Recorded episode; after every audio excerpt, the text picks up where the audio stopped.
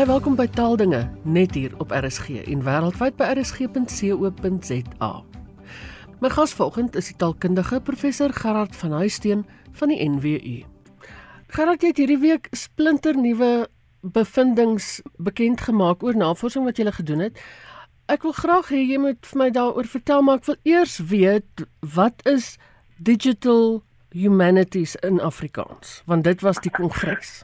Ja, Ina, so dit is uh die kongres vir uh digitale humanoria of die digitale geesteswetenskappe. Nou digital humanities, hierdie digitale geesteswetenskappe is eintlik 'n nuwerige studiegebied uh so van die afgelope 10, 15 jaar en dit gaan eintlik maar daaroor dat ons in die geesteswetenskappe baie meer van rekenaars gebruik maak en van digitale tekste gebruik maak en so aan om ons navorsing te doen en om by interessante bevindinge uit te kom. In hierdie kongres was spesifieke kongres van die Noordwes Universiteit uh gewees uh met die titel Digital Humanities in Precarious Times. So dit het nogal baie gegaan oor hoe kyk ons van uit die geesteswetenskappe na goed soos COVID en so aan en wat kan ons daaruit leer deur goed digitaal te analiseer en so aan. Dit was bietjie die tema van die kongres gewees. Nou jou navorsing het gegaan oor ouer beheer, as ek reg verstaan. Vertel my 'n bietjie. Ja, so uh Ina, ons het al 'n paar keer hier gepraat oor die vloekprojek waarmee ons besig is. En een van die aspekte van die vloekprojek, dit gaan natuurlik nie net oor vloekwoorde nie, gaan ook oor beheer, toegangsbeheer tot inligting en so aan. Nou, Ina, ons kom natuurlik uh, met 'n baie lang geskiedenis van sensuur in Suid-Afrika saam en die vraag is hede den dae, wat is die rol van sensuur? Hoe het sensuur verander ten opsigte waarvan word goed vandag gesensureer? Nê, nee, ons sit met 'n hele kanselleerkultuur waar mense eintlik gesensureer word of mense hulle self sensureer omdat hulle bang is om iets te sê en dat ander mense hulle dan sogenaamd gaan kanselleer. So dis eintlik 'n baie belangrike en 'n interessante studiegebied. Nou binne die konteks van sensuur en so aan het ons die vraag by ons ontstaan wil mense soos wat jy by op films nê nee, kry jy mos so 'n tekentjie wat sê dis vir kykers 18 jaar en ouer en anders as in die verlede wat dit was 'n ouderdomsbeperking is dit nou 'n ouderdomsadvies nê. Nee. of hy sê vir jou daar's inhoudsadvies. Hierdie film bevat tonele van geweld of drankmisbruik of sulke tipe van goeders. En die vraag is nou soek ons dit ook? Wil ons dit ook hê op boeke of net is dit net eintlik vir films. En daar uit het die vraag toe gekom, hoe dink ons daaroor vir boeke? En dan is die groot vraag natuurlik eintlik, wat wil ouers hê? Want hulle is eintlik dikwels mense wat boeke moet koop vir kinders en die vraag is wil ouers sulke uh, inhoudsadviese hê? Nou Ina ons het die probleem uh, benader op 'n verskei verskeidenheid maniere. Een daarvan was 'n uh, onderhoud gewees met die bekende professor Kobus van Rooyen wat destyds voorsitter was van die appelraad op publikasies en wat die nuwe wet op publikasies uh, geskryf het en so aan. En uh, sy mening is natuurlik nooit weer moet daar enige vorm van sensuur wees nie. En mense moet vrye toegang hê tot inligting en so aan. Kinders moet wel beskerm word, maar hulle regte tot toegang tot inligting ensovoorts moet gebalanseerd wees in hierdie uh sogenaamde beskerming wat mens wil toepas. Daarna het ons 'n uh, fokusgroep gehad met 'n klomp mense uit die publikasiewese uit. Uh, skrywers, uitgewers, uh, uh opvoedkundige, sielkundige, kritiese lesers en so aan. Het ons 'n fokusgroep gehad en ons vir hulle gevra Wat dink julle, moet daar sulke inhoudsadviese en ouderdomsadviese op boeke wees? Ina en hulle het met een groot harde stem gesê nee, glad nie. Anders as films waar goed waar jy waar, waar jy eintlik geforseer word om na iets te kyk, daar waar jy in die teater sit, daar waar jy uh, voor jou TV sit, het jy eintlik nie jou verbeelding het eintlik nie vreeslik krag om jou toe te laat wat jy wil sien of nie. Dit wat die regisseur vir jou opdis, dit is wat jy sien, nê. Nee, so dit kan baie maklik meer traumaties wees as boeke. Terwyl by boeke weet ons jou verbeelding laat jou eintlik net soveel toe as wat jy kan hanteer. En dit geld vir al by uitstek geld dit vir kinders. En daarom is die uitgangspunt van hierdie ekspertgroep gewees. Nee, ons moenie sulke goeters uh doen gee nie want ons en jy kan da, daaroor dink, daar kan baie negatiewe gevolge wees daarvan. Sê net maar 'n kind sit 'n boek in lees wat in daarbo voor op die voorblad staan, hierdie boek gaan oor verkrachting. Nou sit so 'n kind die die boek in lees op skool en dan gaan die mense dalk die kind spot uh omdat hy of sy nou 'n boek lees oor verkrachting, nê. Nee. Of uh noem maar op enige tema. So daar's daar's klomp verskriklik baie negatiewe aspekte aan uh sulke ouderdoms uh adviese. Maar sê die groep Kom ons hoor wat sê ouers, want wat is hulle behoefte spesifiek by ouers? So ons as ekspertgroep sê nee, maar ons moet luister wat die behoefte in die mark is. En toe gaan ons en toe gaan doen ons 'n omvattende ondersoek oor wat ouers sê en wat ouers wil hê. Nou wat wil ouers sê? so Inam, Uh, jy kan jy raai wat ouers.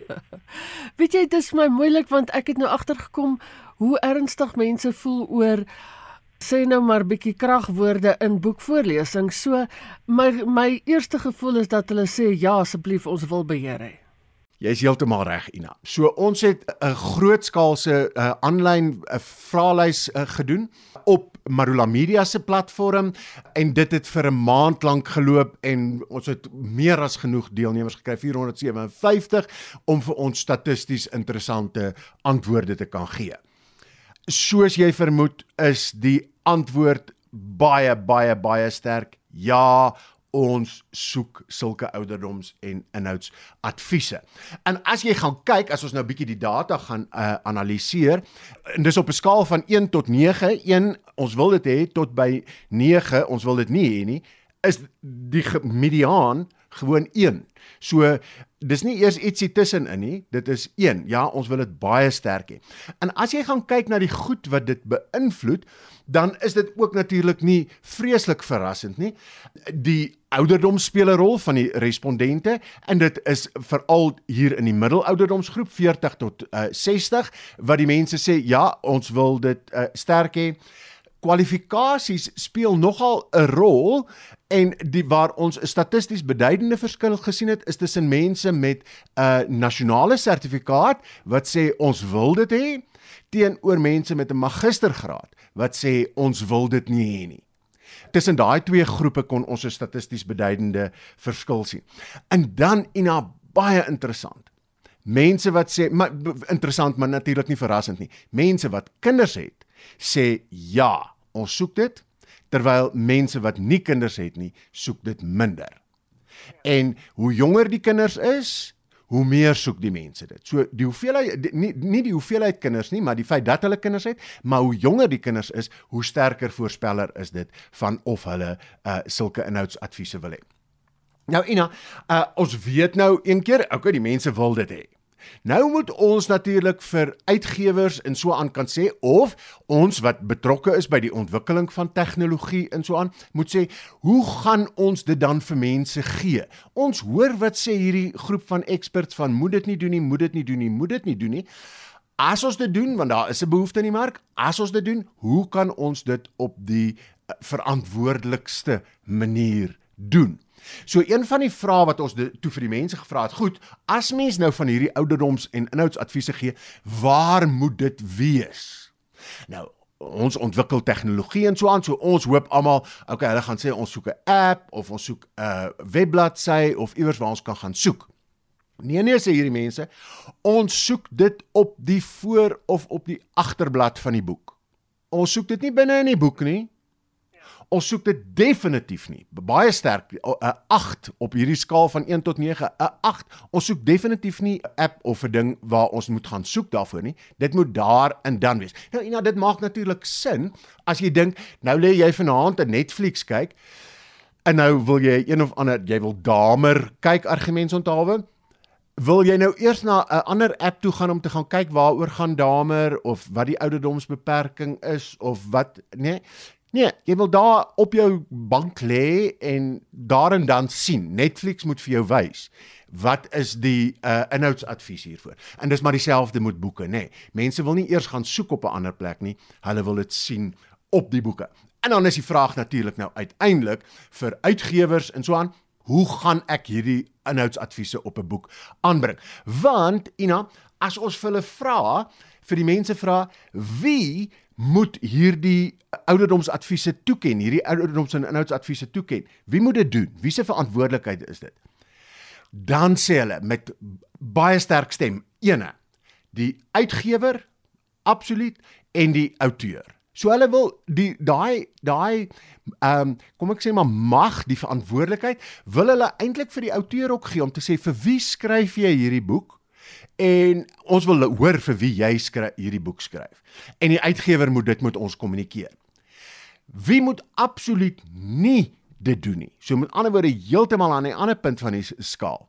In Ina natuurlik baie hoog daar op die lysie is die regering hieruit sien ons respondente onthou nog ons stelsel van sensuur en so aan en ons wil absoluut nie hê dit moet die regering wees wat dit moet doen nie. En ook as mens vir hulle vra, wie moet dit toepas? Wie se werk is dit om dit toe te pas? Baie interessant. Twee uitskieters, die regering moet dit glad nie doen nie. So asseblief, regering, hande af van ons boeke af. Moet niks vir ons sê oor wat ons mag lees en nie mag lees nie. In wie se verantwoordelikheid is dit om hierdie ouderdoms uh uh adviese toe te pas? Ten sterkste die ouers. Maar dan nie eer die ander al jy weet die onderwysers, biblioteke en, en so aan wys amper nie eers op hierdie skaal nie. Dis net die verantwoordelikheid van die ouers om dit toe te pas. Nou mense sou daar gehoop het, ek sou gehoop het dat dit die verantwoordelikheid van die kind is wat baie hoër moet opskiet, nê. Nee, dat mense moet sê laat die laat die verantwoordelikheid oor aan die kind om self te besluit, want dit is juis met boeke en so aan waar 'n kind kan leer om verantwoordelike keuses te maak en so aan. So dalk sit daar ook 'n opvoedkundige taak in vir vir uitgewers en so aan om ook ouers bewus daarvan te maak dat kinders maar self ook mag besluit wat hulle wil lees en wat hulle nie wil lees nie en dat dit nie net ouers is wat moet besluit wat kinders wil lees nie. Kon jy bepaal tot op watter ouderdom moet hierdie beskerming dan nou plaasvind? Want tel 'n kind van is of tel iemand van 18 nog as 'n kind? So streng gesproke nou natuurlik uh nie, nê. Nee. En en daarom sal jy ook sien die film en publikasieraad sê ook se se ouderdomsadviese gaan ook net vir 18 en ouer, nê. Nee. Ehm um, en dan hulle 16 dink ek is die ander afsnypunt en dan het hulle 13 dink ek is die ander afsnypunt. En ek vermoed dit sal maar soortgelyke afsnypunte uh wees vir vir inhoudsadviese sodat jy uiteindelik sê luister hierdie ding is vir volwasse lesers eintlik bedoel. En Ina die die ander ding wat natuurlik hier interessant is is dat daar 'n groot verskil is teenoor ouderdomsadvies met betrekking tot temas en met betrekking tot taalgebruik en so aan teenoor wat is die leesvaardigheid van uh, hierdie vir, vir watter kinders met watter leesvaardigheid is dit bedoel nê nee. so jy wil tog jy weet as ek 'n boek ge, geskenk wil gee vir my peetkind argumentsonthaalwe dan wil ek sien hierdie boek is geskik vir kinders tussen 2 en 4 jaar oud want ek gaan andersins nie weet of 'n boek geskik is of nie so mense moet hier baie mooi onderskei tussen wanneer gaan dit oor leesvaardighede teenoor wanneer gaan dit oor tematiek en eintlik aanbevelings vir dit is nie geskik vir kinders onder hierdie ouderdom nie. Dis nie 'n beperking nie. Kinders mag dit lees, maar dit is uh nee, dit is 'n uh, advies vir kinders bo hierdie ouderdom sal dit waarskynlik uh interessant vind. 'n Ander een wat vir my interessant is op die tema en dan waar en, uh, ek nog nie vir myself lekker my kop uh kon regkry oor hoe mense hieroor moet dink nie, is die vraag met sulke inhoudsadviese en so aan.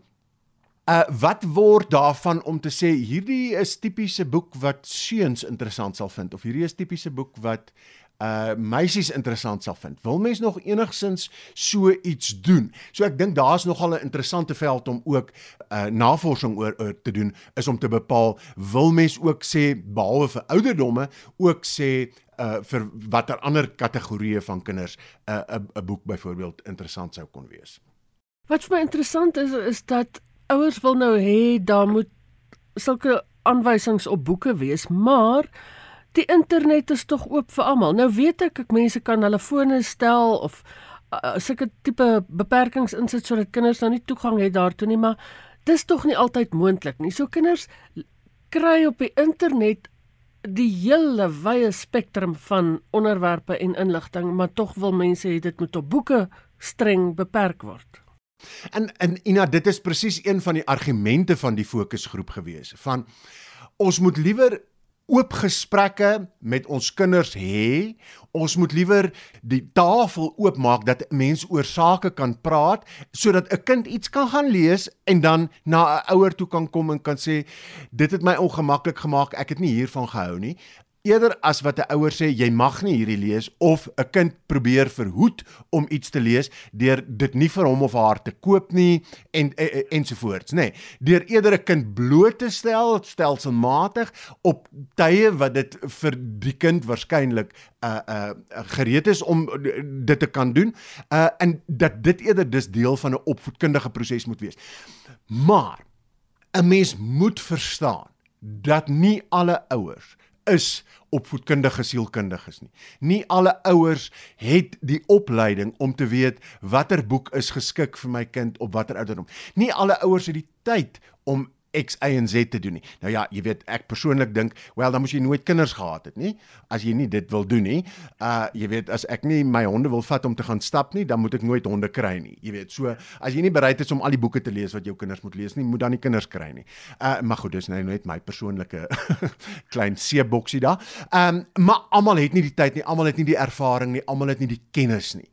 En daarom is sulke riglyne en dit moet altyd verpak word eintlik dus as riglyne nê nee? en en dis eintlik 'n groot opvoedkundige taak. In in in Amerika is daar 'n 'n webdiens die Common Sense Media wat vir my eintlik 'n baie oulike ding is want want dit gee juis vir ouers ehm uh, en ouers kan self ook resensies daar gaan skryf en kinders kan selfs resensies daar gaan skryf. So dit gee vir ouers 'n byna 'n 360 grade beeld van waaroor 'n boek gaan wat is uh, hier aan die hand en en so aan. Juis vir ouers om gesprekke te kan hê met kinders, juis vir ouers om uh, uh, hulle te kan help met keuses van wat om vir 'n kind te koop en so aan.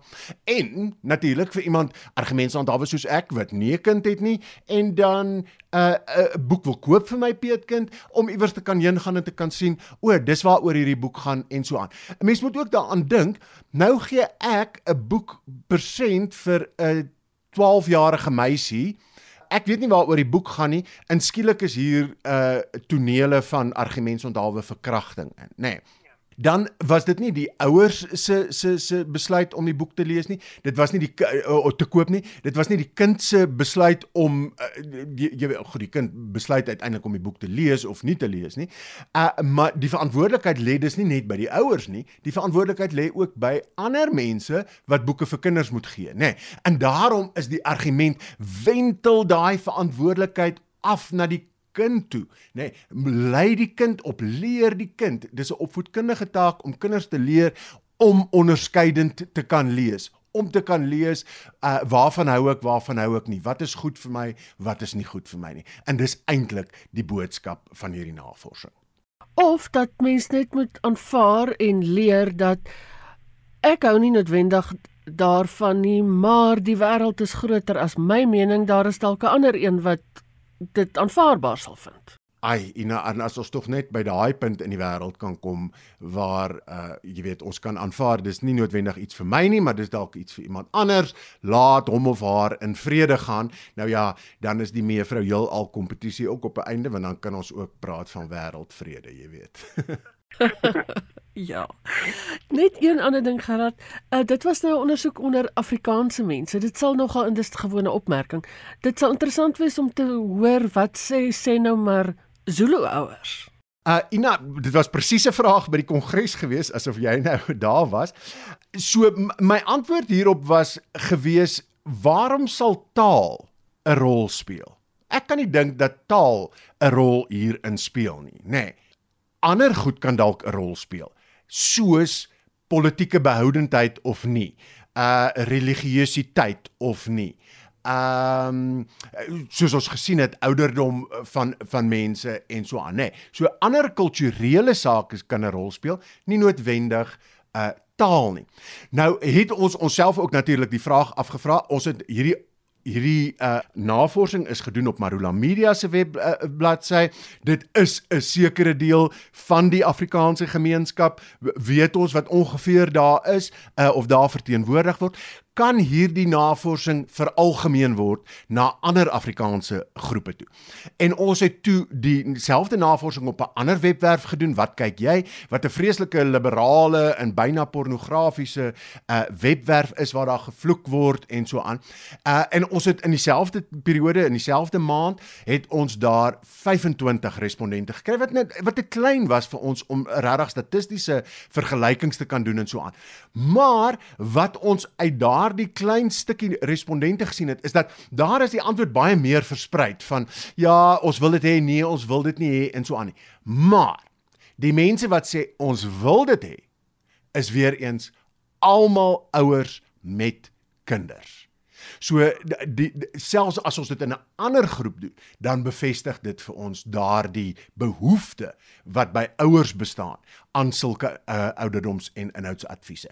So om terug te kom na jou vraag toe, kan dit veralgemeen word na ander kulture? Uh, ek dink dit kan definitief veralgemeen word na ander kulture. Ons sien dit ook dat hierdie goed bestaan in Amerika, hierdie tipe van goeders bestaan in Engeland vir vir Engels en so aan. So ek kan nie dink dat dit nou toenig taal spesifiek is nie. Ek dink eerder dat dit iets is wat gekoppel word aan bepaalde demografiese groepe wat dalk te maak het met hoe uh, 'n uh, mens die opvoeding van jou kind sien. Dit was professor Gerard van Huisteen, taalkundige van die Noordwes Universiteit. Dis dan ook al vir vandag. Jy kan die potgooi aflaai by rsg.co.za. Al die potgoeie van vorige programme is ook daar beskikbaar. Geniet die res van die Sondag in RSG se geselskap. Bly veilig, bly gesond. En van my Ina Strydom groete tot 'n volgende keer.